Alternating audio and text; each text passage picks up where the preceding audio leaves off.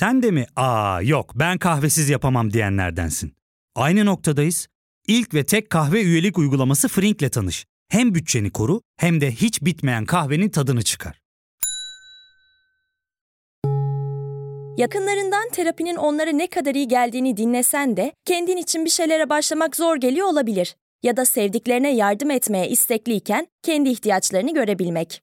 Hayvel, uzman psikologlarıyla kendi ihtiyaçlarını bulmanda sana destek olacak. Terapi yolculuğuna başlamak için detaylı bilgi bölümün açıklamalarında. Beni hiç düşünmüyorsun. Her zaman çok bencilsin ve gerçekten beni umursamıyorsun. Tabii gül gül o şekilde bakınca neler düşündüğünü tahmin edebiliyorum. Niye telefonlarıma cevap vermiyorsun? Tabii aklına bile gelmedim öyle değil mi? Zaten sen bana hiç yardımcı olma. Zaten böylesin. Benim ihtiyaçlarımı asla umursamazsın. Bu cümleler size tanıdık geliyor mu? Bu cümleler veya benzerleri daha önce size kuruldu mu veya siz bu cümleleri kurdunuz mu? Aslında bu cümlelerin ortak noktasında karşımızdaki insanın zihninden geçenleri varsaymak, genellemeler yapmak, suçlamalarda bulunmak. Bunlar olduğunu fark ettiniz mi? Tartışmalar esnasında bu tip düşüncelerimizi veya davranışlarımızı çok da kontrol altında tutamayabiliyoruz. Aslında aklımızdan geçenler bunlar olmasa bile karşımızdakine yansıttığımız veya söyledik, söylediklerimiz bunlardan çok farklı olabiliyor. Bugünkü podcastimizin konusu tartışmalar. Doğru tartışmayı ben nereden bileyim diyoruz ve ben nereden bileyim serisinin 9. bölümünde hangi davranışlar tartışmaları sağlıksız kılar? Hangi davranışlardan tartışmalar içerisinde kaçınmalıyız? Veya tartışmaları daha sağlıklı yürütmek için neler yapma ihtiyacımız var gibi sorulara cevap veriyoruz.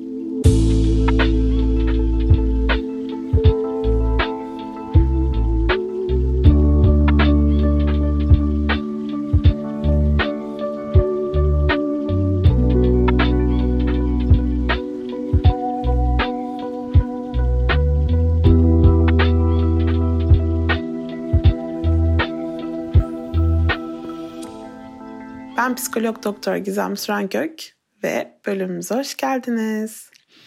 Şimdi tartışmalar konusunda tabii ki ben yine sordum ve sizden yine cevaplar geldi.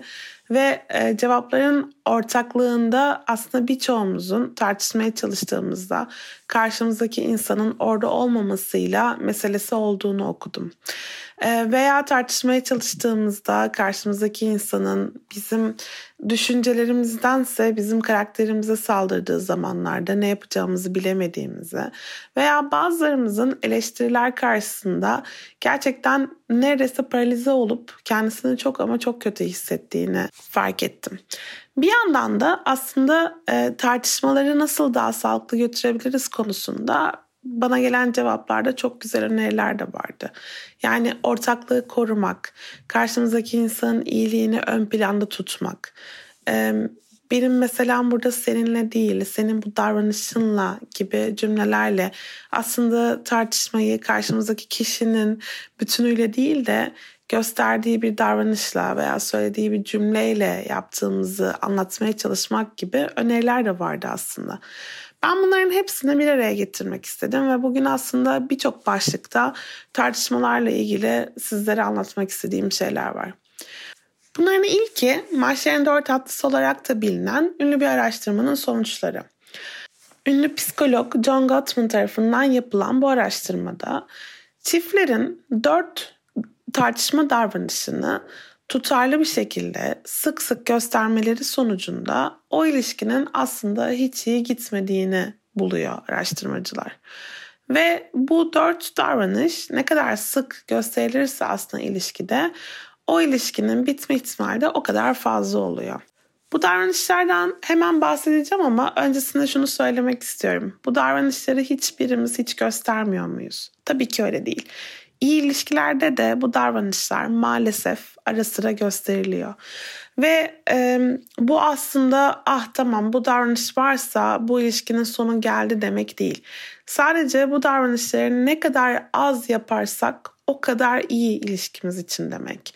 Ve bu davranışları az yapmanın en temel yöntemlerinden bir tanesi de bu davranışlar hakkında farkındalık geliştirmek. Hatta bununla ilgili çok güzel araştırmalar da var. Yani e, en güzel müdahale programları bu davranışları göstermemek için bu davranışlar hakkında ayrıntılı bilgi edinmekle oluyor aslında. O yüzden de umuyorum ki bu podcast'i dinledikten sonra sizler de bu davranışları biraz daha az yapmaya başlarsınız. Hepimiz için geçerli tabii ki bu. Şimdi bu davranışları daha önce başka podcastlerde de anlatmıştım. Yakın ilişkilerde de bununla ilgili çok fazla yazımız oldu, çıktı. Karşınıza bir gün bir yerlerde çıkmış olabilir diye düşünüyorum. Umuyorum da aslında böyle olmuş olmasını. Ama öyle olmadığı varsayımından gitmek durumundayım ve elimden geldiği kadar detaylıca anlatmaya çalışacağım bu sebeple.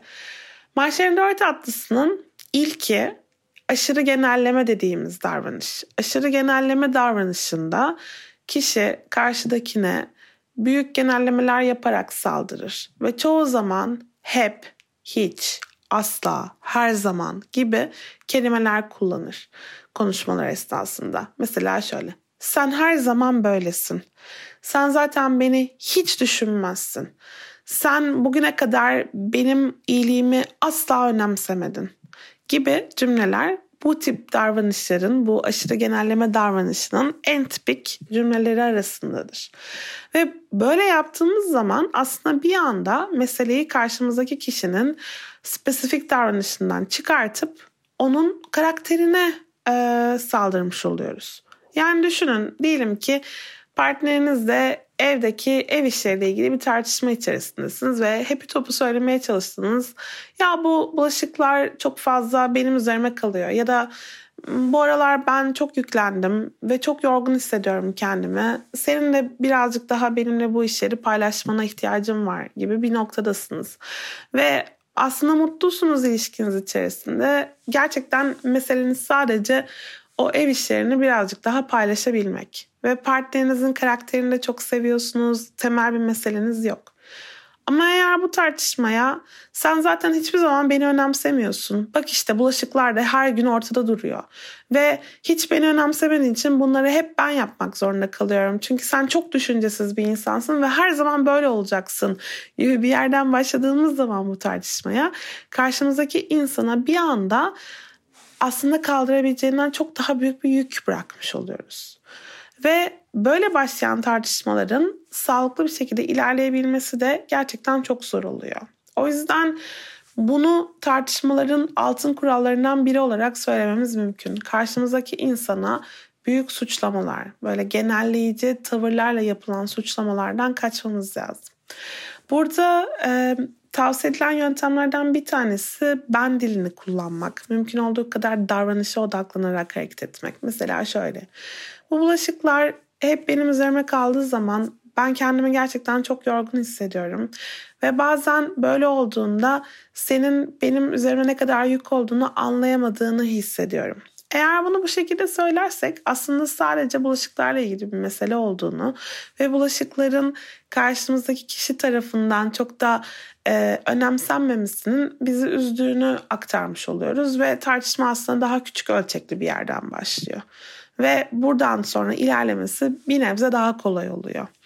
Karşımızdaki insana aşırı genelleme yaparak saldırdığımız noktada onun da bunu sakince karşılayıp bize ya tamam anlıyorum sen aslında o kadar büyük bir şey söylemek istemiyorsun. Hepi topu bulaşıklara bozuldun ve e, duygularını kontrol edemedin. Anlıyorum gel ben bu konu üzerinde seninle konuşayım ve e, rahatlayalım deme ihtimali gerçekten çok düşük. Genellikle biz böyle büyük bir saldırıda bulunduğumuz zaman karşımızdaki insan da bize genellikle şunu söylüyor. Sen kendine bak ya. Sen kendine bak. Sen asıl e, şunu şunu şunu yapmıyorsun. Sen asıl beni hiç ama hiç düşünmüyorsun. Ben şunları şunları şunları yapıyorum. Sen bunları bugüne kadar hiçbir zaman görmedin. Şimdi de kalkmış bana bulaşıklardan bahsetmek yerine gidiyorsun beni bencillikle suçluyorsun. Sen kendine bak. Şimdi sen kendine bak.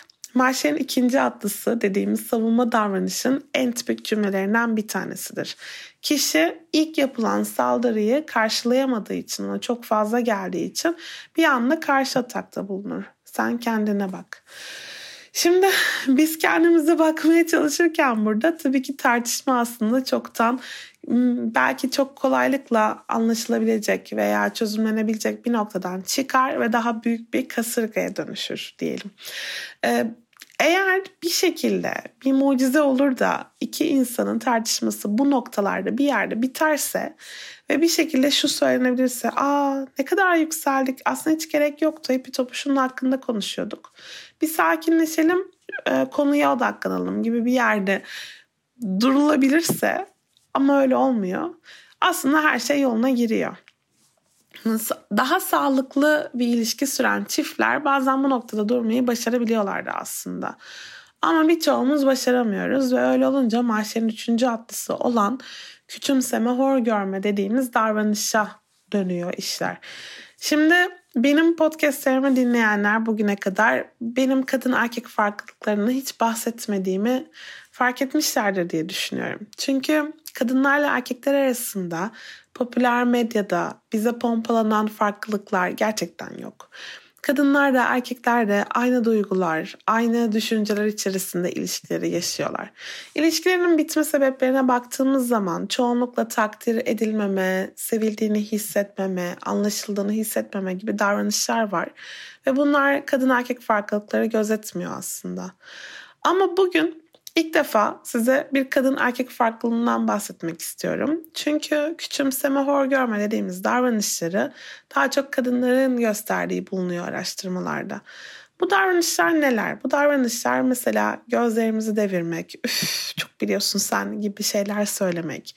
Bazen e, bazı hakaret e, kelimeleri kullanmak veya karşımızdaki insana onu gerçekten hiç sevmediğimizi, hiç beğenmediğimizi, şu anda karşımızda olmasa çok iyi olabileceğini hissettiren bakışlar fırlatmak. Bunlar aslında küçümseme ve hor görme davranışları içerisinde. Bunlar çok kadınlar yapıyor desem de bu, bu davranışları erkeklerin yapmadığı anlamına gelmiyor tabii ki. Erkekler içerisinde de bunları yapanlar var. Ve bu davranışlar karşımızdaki insana kendisini hiç sevmediğimizi, kendisiyle ilgili gerçekten olumlu hisler beslemediğimizi gösteriyor. Ve bu yüzden tartışmanın bu anında o zamana kadar yeterince kırılmadıysa kalpler bir kere daha ve belki de bu sefer daha şiddetli bir şekilde canımızı canını, canını acıtmış oluyoruz karşımızdaki insanın. Peki Mahşer'in dördüncü atlısı nedir? Mahşer'in dördüncü atlısı da duvar örme davranışı. Ve duvar örme davranışının da kadınlardan çok erkeklerin gösterdiğini buluyor çalışmalar. Erkekler, erkekler daha çok bu davranışı yapıyor desem de yine bu davranışı kadınlar yapmıyor demek değil bu. Sadece erkeklerin bu davranışı daha çok e, seçtiğini görüyoruz diyelim. Bu davranış da şu. Ben daha fazla konuşmak istemiyorum tamam. Sen istersen konuşmaya devam et ama ben artık sana cevap vermeyeceğim. Ya da direkt odadan çıkma, evden çıkma. Genel olarak konuşmadan, mention'dan çıkma de, diyebiliriz aslında. Artık o kavgada o birey zihniyle bulunmuyor, bedeniyle bulunsa bile. Şimdi bu dört davranış aslında maalesef dediğim gibi birçok tartışmada e, hepimizin göstermeye meyilli olabileceği davranışlar. E, ama Benden dinlerken de eminim fark etmişsinizdir ki bu davranışlar karşımızdaki insana şunları hissettiriyor. Birincisi ben ilişkin içerisinde seni çok sevdiğimi, sana hayran olduğumu, seninle ilgili çok güzel şeyler düşündüğümü söylesem de sana bak bu tartışma anında senin aslında ne kadar bencil, ne kadar kötü, ne kadar düşüncesiz bir insan olduğumu hissettiğimi söylüyorum. O zaman bak büyük bir çatışma var benim zihnimde. Yani seni çok seviyor gibi görünebilirim ama aynı zamanda sana karşı bu kötü hisleri de besliyorum. Yani aslında güvensiz bir yer oluşturmuş oluyoruz birincisi partnerimiz için. İkincisi karşımızdaki insana hor görme, küçümseme davranışını gösterdiğimiz zaman sevecen, anlayışlı, ilgili halimizden sıyrılıp karşımızdaki insana bana sığınamazsın, bana gelemezsin, ben seninle konuşmak istemiyorum ve seni şu anda insan yerine de koymuyorum mesajı göndermiş oluyoruz. Duvar örme davranışı da kendi başına e ben her anında yanında olacağımı söz vermiş olabilirim. E, hep burada olacağımı sana bugüne kadar hissettirmiş olabilirim. Ama tartışma anlarında hep burada değilim kusura bakma. Yani canım istemediği zaman seni dinlemek zorunda değilim mesajı vermiş oluyor. Şimdi bütün bunlar aslında ilişkinin oturması gereken ana temellere ters. Çünkü biz bir ilişki içerisinde hem anlaşılmak istiyoruz, hem sevilmek istiyoruz, hem bize saygı duyulsun istiyoruz. Ve bu noktada bize karşımızdaki insan az önce saydığım davranışları gösterdiği zaman ne sevildiğimizi, ne bize saygı duyulduğunu, ne de takdir edildiğimizi hissediyoruz aslında. Bunlar sıklıkla tekrarlandığı zaman karşımızdaki insana güvenimiz oldukça sarsılıyor. Mahşer'in dört atlısına eşlik eden başka davranışlarımız da var tabii ki. Şimdi anlattıkça belki tanıdık gelecektir. Mesela normalde sevdiğimiz insanlarla konuşma tonumuz çok daha sevecen, çok daha tatlı, canım, kuzum gibi yani çok daha güzel konuşuyoruz. Şimdi podcast esnasında taklit etmek de çok zor oldu benim için ama anlıyorsunuzdur ne demek istediğimi. Çok daha şefkatli, çok daha böyle içten gelen bir sesle konuşuyoruz. Halbuki tartışma anında tamam peki gibi daha böyle robotik, daha soğuk, daha mesafeli bir ses tonuna dönüşüyor sesimiz, sesimizin tonu. Ve öyle olunca karşımızdaki insan aslında bizim sevgimizi hissettiği o ince ipuçlarını sesimizde artık duyamamaya başlıyor. O yüzden oradaki hani buz kesme hali diyelim sesimizdeki buz kesme hali de karşımızdaki insanı bir anda itmeye başlıyor. Bana yaklaşma, ben sana şu anda güzel şeyler söylemeyeceğim, iyi şeyler hissettirmeyeceğim demeye başlıyor sesimizin tonu. Veya vücut dilimiz. Normalde sevdiğimiz insanlarla birlikteyken çok daha açık bir vücut dilimiz vardır. Kollarımız iki yandadır. Genellikle önümüzde kavuşturmayız. Vücudumuzun açıklığı, karşımızdaki insana karşı duruşumuz çok daha sarıp sarmalayıcıdır. En azından iyi ilişkilerde böyledir çoğunlukla. Ve tartışma anlarında bakıldığında vücut dillerinin de insanların çok değiştiği gözüküyor. Genellikle kollarımızı birbirine doluyoruz önümüzde ve bedenimizi kapatıyoruz. Omuzlarımızın duruşu, yüzümüzün duruşu tamamen değişiyor. Yani aslında açık, karşı tarafı anlamaya, dinlemeye açık olmaktan vazgeçiyoruz vücut dilimizde de. Ve buradan bir sonraki noktaya geçiyorum. Birbirimize dokunmamaya başlıyoruz. Yani belki normalde iki taraf e, el ele diz dize oturan, göz teması kuran insanlarken tartışma anında bunu yapmamaya başlıyorlar. Çünkü birbirimize bakarak kötü şeyler söylemek zor. Göz kaçırıyoruz. Bazen hatta karşımızdakini yok sayıyoruz. Ya da e, gelip böyle elimizi kolumuzu oynata oynata kocaman kocaman seslerle konuşuyoruz. Ve söylemeye çalıştığım şeylerin içerisindeki ihtiyaç aslında orada karşı taraf tarafından anlaşılmamaya başlıyor. Bu çok büyük bir mesele. Ve bir de tabii ki tartışmaları güç savaşına dönüştürmek. Yani sen mi kazanacaksın ben mi kazanacağım? Sen mi haklısın ben mi haklıyım? Bir kazanan olmak zorunda bu tartışmanın öyle değil mi? Aslında değil. Tartışmaların bir sonucu olmalı. Buraya geleceğim. Ama tartışmaların bir kazananı olmak zorunda değil. Aslında buradan e, başlamak ve ilişkinin güç dengesini e, kurma gayreti yani bir ilişkide bir güçlü taraf, bir zayıf taraf, bir kazanan taraf, bir kazanmayan taraf e, olmasını talep etmek aslında ilişkilerimiz için gerçekten zararlı bir nokta. Ya fark ettin mi? Biz en çok kahveye para harcıyoruz. Yok abi, bundan sonra günde bir. Aa, sen Frink kullanmıyor musun? Nasıl yani? Yani kahvenden kısmına gerek yok. Frink'e üye olursan aylık sadece 1200 TL'ye istediğin çeşit kahveyi istediğin kadar içebilirsin. Günlük 40 TL'ye sınırsız kahve mi yani? Çok iyiymiş. Aynen. Hatta şu anda 200 TL'lik bir indirim kodu da var. E hadi hemen indirip üye ol da bu fırsatı kaçırma. Terapiye başlamak, içinden çıkamadığın döngüleri kırmak, bazı yanlış bulduğun kararlarını değiştirmek ve kendinle beraber daha huzurlu bir yaşam inşa etmek için atabileceğin en değerli adımlardan biri. Hayvel ile yoğun yaşam tempona uyum sağlayarak online terapi seanslarını takvimine göre ayarlayabilirsin. Bini aşkın uzmandan sana en uygun terapisti seçebilir, podb10 koduyla indirimden yararlanabilirsin. Detaylı bilgi açıklamalardaki bağlantıda. Şimdi tartışmalarda e, yapılan yanlış davranışlardan bahsettim. Bunlara bir de şeyi eklemek istiyorum tabii ki akıl okuma davranışını. Yani karşımızdaki insanın söylediği kelimeleri çok daha farklı algılamak ya da hiçbir şey söylemezken bakışlarından, vücudun duruşundan ya da sessizliğinden anlamlar çıkarmak. Şöyle şöyle düşünüyorsun şu anda öyle değil mi? Yani bana cevap vermiyorsun ama aslında hakkından şunlar geçiyor. Tabii telefona cevap vermedin çünkü o esnada şunları şunları şunları yapıyordun gibi varsayımlar, akıl okumalar ilişkiye çok zarar veriyor. Veya karşımızdaki insanın söylediği cümleleri alıp aslında onun söylemediği bir yere çekmeye çalışmak.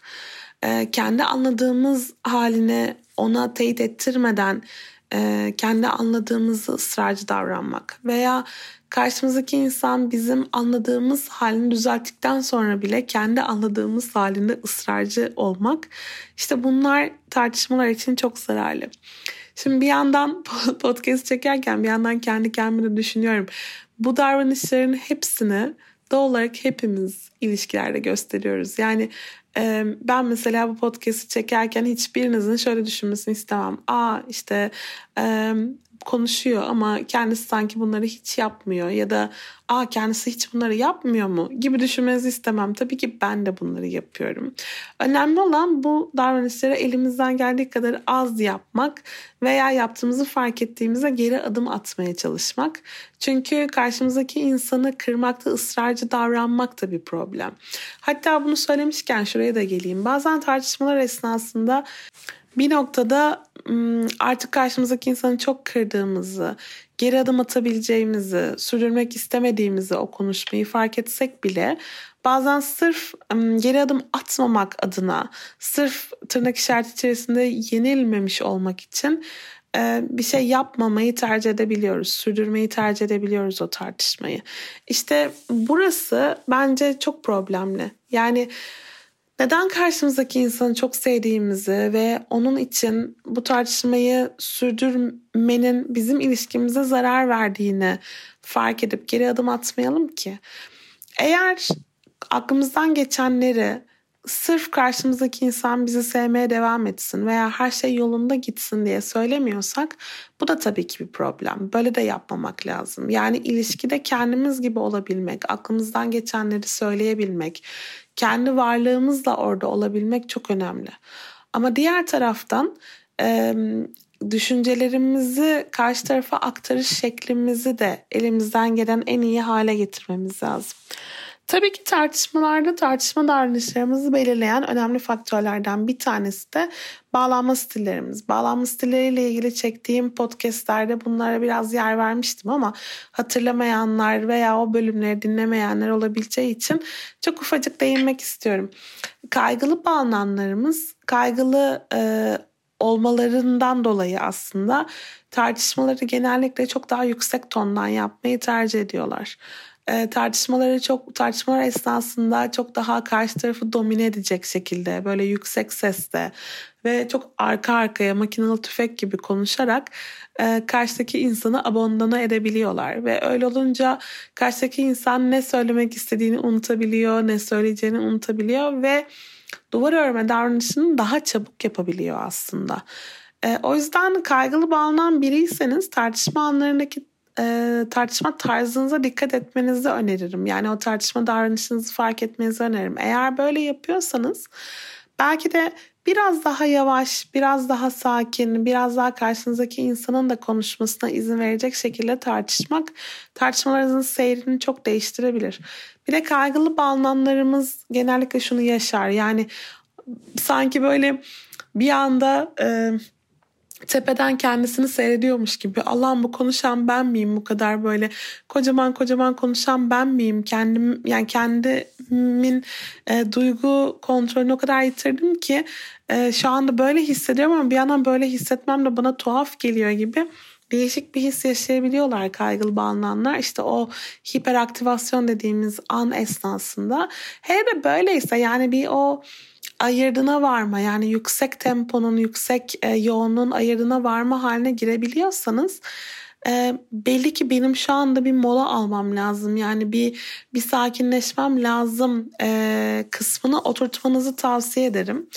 Bir de özellikle tartışmalar esnasında mola verme davranışı esnasında kaygılı bağlanan bireyler kendilerini sakinleştirmek yerine kendilerini daha çok tabiri caizse gaza getirebiliyorlar. Bana nasıl böyle söyler, bana nasıl haksızlık etti gibi böyle kendi zihinlerin içerisinde. İşte bunlar aslında tartışmanın seyrini olumsuza döndürebiliyor. Bunlar konusunda dikkatli olmakta fayda var. Kaçıngan bağlanan bireyler ise tartışmaktan hiç hoşlanmıyorlar ve tartışmalardan tabiri caizse direkt tüyüyorlar. Ee, Twitter'da da gelen mesajlarda da vardı. Yani ben tartışmaktan hiç hoşlanmıyorum. Tartışmalardan kaçınma eğilimi gösteriyorum. Ee, sadece çözüm odaklı konuşmalarda varım diye. Ama tabii tartışmalardan kaçma eğilimimiz bu sefer karşımızdaki insana da e, duyulmuyor, anlaşılmıyor, dinlenmek istenmiyor e, hissi verdiği için bu sefer ilişkideki iletişim böyle bozuyor. Eğer tartışma anında çok böyle yüklendiğinizi hissediyorsanız, duygularınızın artık böyle fazla geldiğinizi hissediyorsanız mola verme davranışı gerçekten iyi. Ama bu noktada şeyi de unutmamamız lazım. Yani mola verme davranışını yapıyorsak bunun bir e, sonu olmalı. Yani şöyle söylemek gibi. Bir 15 dakika ara verip tekrar konuşalım. Hadi gel bu 15 dakika boyunca bir şeyler seyredelim ikimiz birlikte ya da ayrı ayrı. Ya da bir duşa girelim ya da dışarıda çıkıp bir yürüyüş yapalım her neyse ama şu anda bu odada bu zihinle kalmayalım ee, deyip ama o molanın bitiş noktasını birbirimize belirtmemiz gerekiyor. Aksi takdirde o molalar hele de karşımızdaki insan kaygılı bir insansa ona gerçekten kendisini çok kötü hissettirebiliyor. Bir başka yine kaçınmamız gereken davranış kavgalar esnasında e, dolaylı kavga dediğimiz, sessiz muamele dediğimiz, soğuk savaş dediğimiz, karşımızdaki insanla aynı odada bulunduğumuz ama onun varlığını görmezden geldiğimiz, konuşmalarını duymazdan geldiğimiz, trip attığımız, e, onu yok saydığımız anlar. İşte bu anlar aslında bizim genellikle e, annelerimizden de çok gördüğümüz bir davranış şekli. E, hatta araştırmalarda bu sessiz muamele davranışının silent treatment diye geçiyor İngilizce'de daha çok kadınlar tarafından yapıldığını gösteriyor. Bu davranış aslında bir karşı tarafa bir ders vermek, işte haddini bildirmek. Bunlar hep tabii tırnak işareti içerisinde lütfen doğru anlamanızı isterim. Yapılsa da e, hiç tabii ki böyle bir e, günün sonunda çok kötü hissettiriyor kişiye kendisini. Hatta e, belki şaşıracaksınız ama karşınızdaki insana sosyal olarak dışlanmış ve e, insan yerine konmamış hissettiriyor. Öyle olduğu için karşımızdakinin bütün e, ihtiyaçlarını, ait olma ihtiyacını, saygı duyulma ihtiyacını, kontrol e, de kontrolde hissetme ihtiyacını bozuyor ve çok kötü, çok çok kötü hissettiriyor. O yüzden bu davranıştan elimizden geldiğince kaçınmamız lazım. Özellikle de e, hem romantik ilişkilerimizde hem de ebeveyn çocuk ilişkilerimizde üzerine basa basa söylemek istiyorum. Bu konuya girmişken gerçekten durmak bilemedim. Daha söylemek istediğim çok şey var. Bunlardan bir tanesi de şu tartışmalar esnasında biz karşılıklı olumsuzluk davranışı içerisine giriyoruz. Bu ne demek? Şimdi ben mesela olumsuz bir şey söylüyorum. Karşımdaki de olumsuz bir şey söylüyor. Sonra onun söylediğini ben daha da olumsuz algılıyorum ve ben daha da ters bir şey söylüyorum. Sonra ben daha da ters bir şey söyleyince o da bana daha da ters bir şey söylüyor ve karşılıklı olarak tırmanıyor şiddetli e, tartışma hali. O yüzden e, tartışma esnasında olumlu şeyler söylemeye çalışmak çok önemli. Yani şunun gibi tartışmanın tam ortasında bir yerde sakin kalabildiğimiz varsayımıyla o esnada ya bir şey söylemek istiyorum. Ben seni çok seviyorum ve şu an bu tartışmadan bağımsız olarak aslında bu ilişkiyle ilgili ben çok olumlu hislere sahibim. Sadece bu konuyla ilgili anlaşamadığımızı düşünüyorum. Ama onu da çözeceğimize eminim zaten. Ama her ne olursa olsun her ikimizin de bu konuda bir payı olduğuna eminim ve ben üzerime düşen her şeyi yapmaya hazırım. Bu gibi bir cümle mesela karşımızdaki insana anında olumlu bir şekilde yansıyor. Ve bir anda belki o e, yükselen e, kendini savunma ihtiyacı azalmaya başlıyor. Çünkü aslında tartışma anlarında karşımızdaki insanı neredeyse düşmanımız gibi görmeye çalışıyoruz. Yani bizi ne bir araya getiriyor değil de ne bizi şu anda ayırıyor ve bana bu söylediğiyle aslında beni neden sevmiyor? Bu ilk hissettiğimiz şey. O yüzden eleştiriye tahammül edemiyoruz. Ve birçoğumuz bu arada eleştiriyi haksızlık olarak algıladığımız için ve haksızlık bizde genel olarak öfke duygusunu tetiklediği için tartışmaya başladığımız anda çok yüksek bir öfkeyle başlıyoruz. Bir yandan da karşımızdaki insanı çok sevdiğimizde onu kaybetme veya onu kırma korkusu da içimizde ve olumsuz duyguların o yoğun hali neredeyse bizi istila ediyor. Ee, düşünme, sağlıklı düşünme kabiliyetimizi yitirebiliyoruz.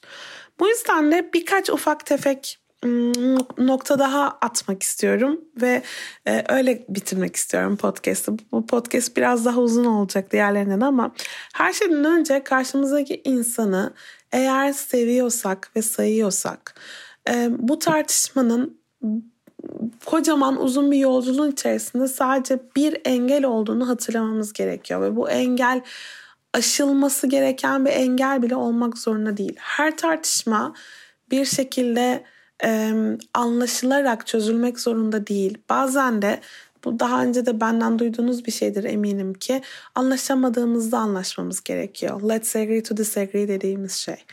Ve e, tartışma esnasında karşımızdaki insana duyduğumuz saygıyı kullandığımız kelimeleri doğru seçerek, ona asla hakaret etmeyerek veya onu korkutacak ya da onu tehdit edecek bir şeyler yapmadan tartışmayı sürdürmemiz gerekiyor. Bu çok önemli çünkü birçoğumuz e, hiç doğru kelimeler kullanmayabiliyoruz tartışmalar esnasında. Bu arada bu da ilişkiler için önemli bir sınır. Yani ilişkinin e, temel kurallarından, ilkelerinden bir tanesi birbirimize hakaret etmemek olmalı. İkincisi e, tartışma konuları özellikle de kendini tekrar eden tartışma konularında karşımızdaki insanın bir ihtiyacı olduğunu ve bu ihtiyacını aslında belki de tam olarak dile getiremediğini bir düşünmemiz lazım. Eğer sürekli aynı paternler kendini tekrar ediyorsa belki de onun altına bakmamız lazım. Yani diyelim ki karşınızdaki insan daha fazla vakit geçirmek talep ediyor sizinle. Ama siz bu konuda elinizden geleni yaptığınızı düşünüyorsunuz ama bu tartışma sürekli olarak tekrar ediyor kendisini. Bu durumda belki de mesela birlikte vakit geçiriyorsunuz yeterince ama ona kendini e, yeterince iyi anlaşılmış veya onunla ilgilenilmiş hissettirmiyor olabilirsiniz. Yani belki de geçirdiğiniz vakti geçirme şeklinizi değiştirmeniz gerekiyor. O yüzden aslında neye ihtiyacı olduğunu karşınızdaki insanın düşünmemiz lazım. Diğer taraftan bazen tartışmalar esnasında çok fa- fazla bir şekilde e, operasyonel konulara odaklanıyoruz. Yani aslında duyguyu kaçırıyoruz. Duyguyu kaçırdığımız için de konuşmaların sonucunda kendimizi hiç anlaşılmamış hissederek çıkıyoruz. O yüzden biraz daha bu yaptığın bana şöyle hissettiriyor ya da ben aslında sana şöyle hissettirmeyi planlıyordum ama böyle böyle sonuçlandı şeklinde duyguya odaklandığımız tartışmalar yapmamız gerekiyor. Bununla birlikte e, bunu yapmanın en iyi yöntemlerinden bir tanesi aktif dinleme dediğimiz. Karşımızdaki insana cevap vermeye çalışmadan yani onun her söylediğine motomot karşılık vermeye çalışmadan dinlemek. Yani bu tıpkı şey gibi biz psikoloğa gittiğinizde psikoloğun sizi nasıl dinlemesini isterseniz o şekilde dinlemek karşınızdaki insanı. Onu anlamaya çalışarak, onun duygularını anlamaya çalışarak, ihtiyaçlarını anlamaya çalışarak, defansa geçmeden dinlemek. Gerçekten onu bu şekilde dinlediğimiz zaman ancak empati yapabiliyoruz çünkü. Onun neyi niye hissettiğini anlayabilmemiz için en iyi yöntemlerden bir tanesi aktif dinlemek.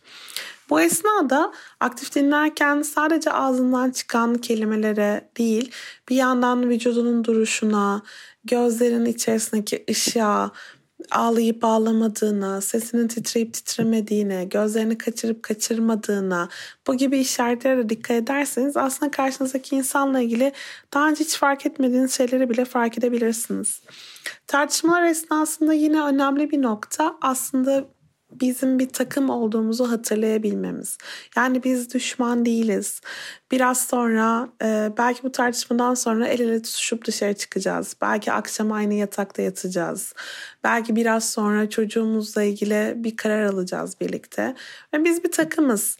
Ve şu anda bu tartışmayı eğer birbirimize hakaret ederek, birbirimize kötü davranarak, birbirimize geri dönüşü olmayan cümleler ederek sürdürürsek aslında bu ilişkiyi kalıcı bir şekilde yıpratmış oluyoruz.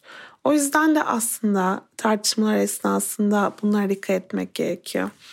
Ee, tartışmalar esnasında yine elimizden geldiği kadar orada olmaya çalışmak, anda olmaya çalışmak, telefonla uğraşmamak ya da başka şeylerle ilgilenmemek, konuyu mümkün olduğu kadar saptırmamak ve bir de e, konun, konuyu dallandırıp budaklandırmamak gerekiyor.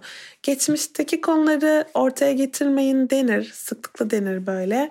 Ee, ama ben şöyle düşünüyorum, eğer geçmişten bir konu gündeme geliyorsa belli ki geride çözülmemiş bir şeyler var. Belki de o konuyu konuşmak iyidir. Ama diğer taraftan eğer geçmişte bir konu üzerine konuştuysanız ve onu çözdüyseniz, ikiniz de bunun üzerine anlaştıysanız kapanmış bir konuyu, üzerine anlaşılmış bir konuyu ısrarla geri getirmek aslında ilişkinize zarar verecektir. Ama eğer bir konu sizin içinizde hep yaraysa, bu anlamda karşınızdaki insanı affedemiyorsanız belki de bu konu üzerine özellikle çalışmalısınız. Bazen bizim bağlanma yaralanması dediğimiz attachment injury diye geçer.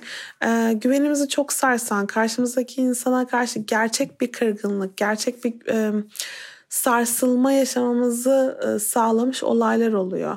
Böyle olayları aşmak çok zor olabilir çiftler için. Eğer böyle bir durumunuz varsa, bir türlü aşamadığınız bir olay, bir türlü aşamadığınız bir cümle varsa bunu mutlaka partnerinizle konuşun ve eğer ikiniz ortak bir çözüme ulaşamıyorsanız bu anlamda psikolojik destek almayı bile düşünebilirsiniz birlikte. Ve aslında e, şu şunu söyleyerek bitirmek istiyorum bunu bu podcast'te. Ee, bizim çok sevdiğimiz bir kural var ilişki biliminde. Beşe bir kuralı. Daha önce duyduğunuzu bilmiyorum. Ee, beşe bir kuralı şunu söyler. İlişkideki her bir yanlış davranış için beş doğru davranışta bulunmamız gerekir. Her bir kötü davranış için beş iyi davranış olması gerekir. Yani diyelim ki partnerinizi kıracak bir şey söylediniz ona. Beş davranışla gönlünü almanız gerekir. Tabii ki bunlar böyle sayalım sürekli çeteye tutalım demek değil.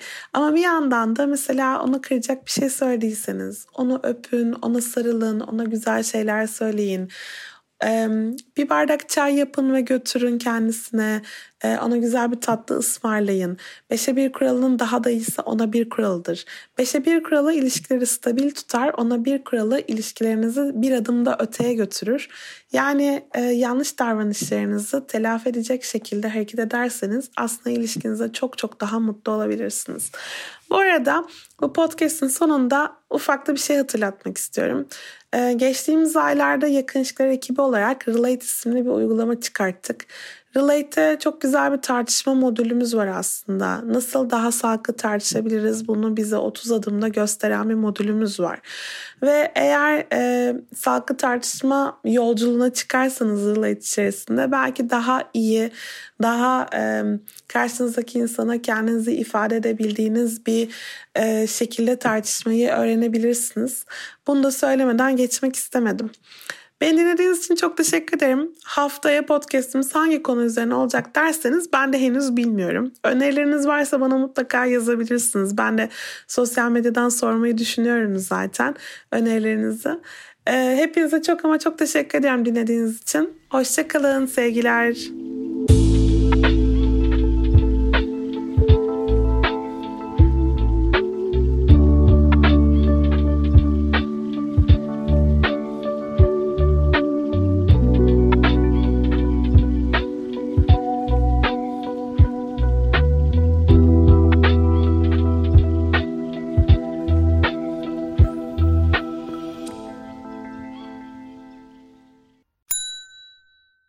Tek kahve üyelik uygulaması Frink, 46 ildeki 500'den fazla noktada seni bekliyor.